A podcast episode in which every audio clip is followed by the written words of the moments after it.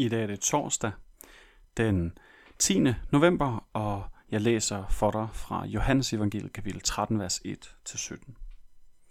Det var før påskefesten, og Jesus vidste, at hans time var kommet, da han skulle gå bort fra denne verden til faderen.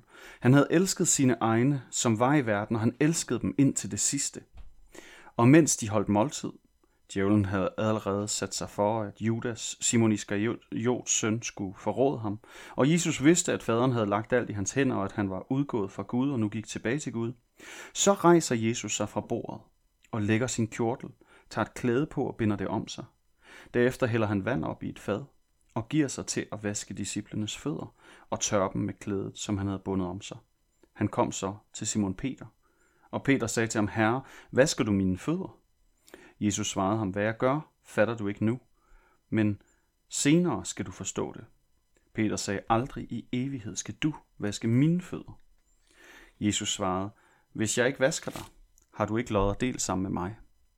Simon Peter sagde så til ham, Herre, så ikke kun fødderne, men også hænderne og hovedet. Jesus sagde til ham, den, der er badet, behøver ikke at få vasket andet end fødderne, men er ren over det hele. Og I er rene, dog ikke alle.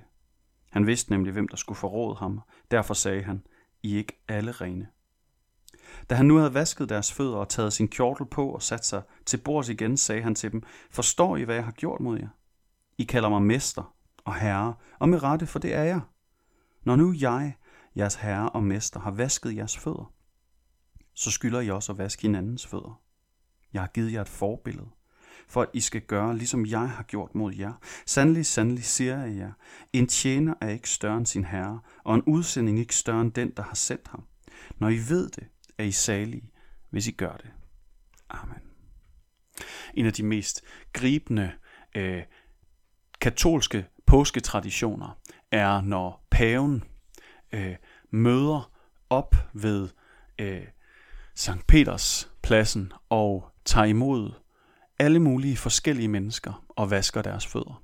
Det er selvfølgelig koordineret og struktureret, øh, sådan så det er de mest udsatte, som han vasker fødderne på. Dem, som er mindst værdige. Han har vasket fødderne på fattige øh, børn, der er faderløse. Han har vasket fødderne på kvinderne, der kommer ud af en dyster baggrund. Han har vasket fødderne på mennesker, som han grundlæggende kunne forvente ville betjene ham, men som den her kirkeleder, den her magtfulde person i verdens største kirkesamfund, vælger at tjene.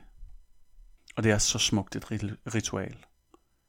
Jesus øh, giver os et forbillede, siger han i dag, i at vaske hinandens fødder, ligesom han gjorde. Altså et radikalt udtryk for tjeneste. At opgive sin stolthed og tjene andre med ydmyghed, selvom at du er meget mere end en tjener for andre, så kan du godt vælge at tage den rolle, det forbillede, som Jesus tog, og være en tjener for andre.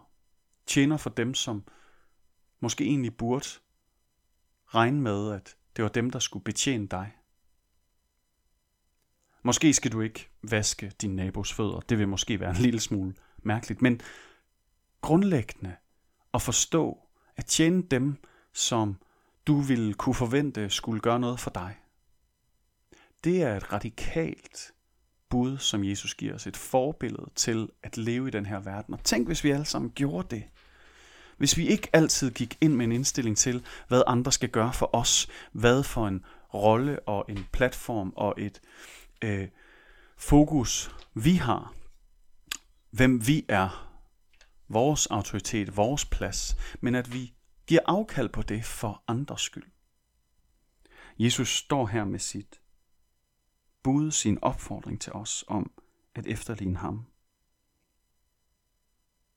Hvem omkring dig kunne forvente, at du ville stille krav til dem, men hvor du kan overraske dem med at være en tjener for dem?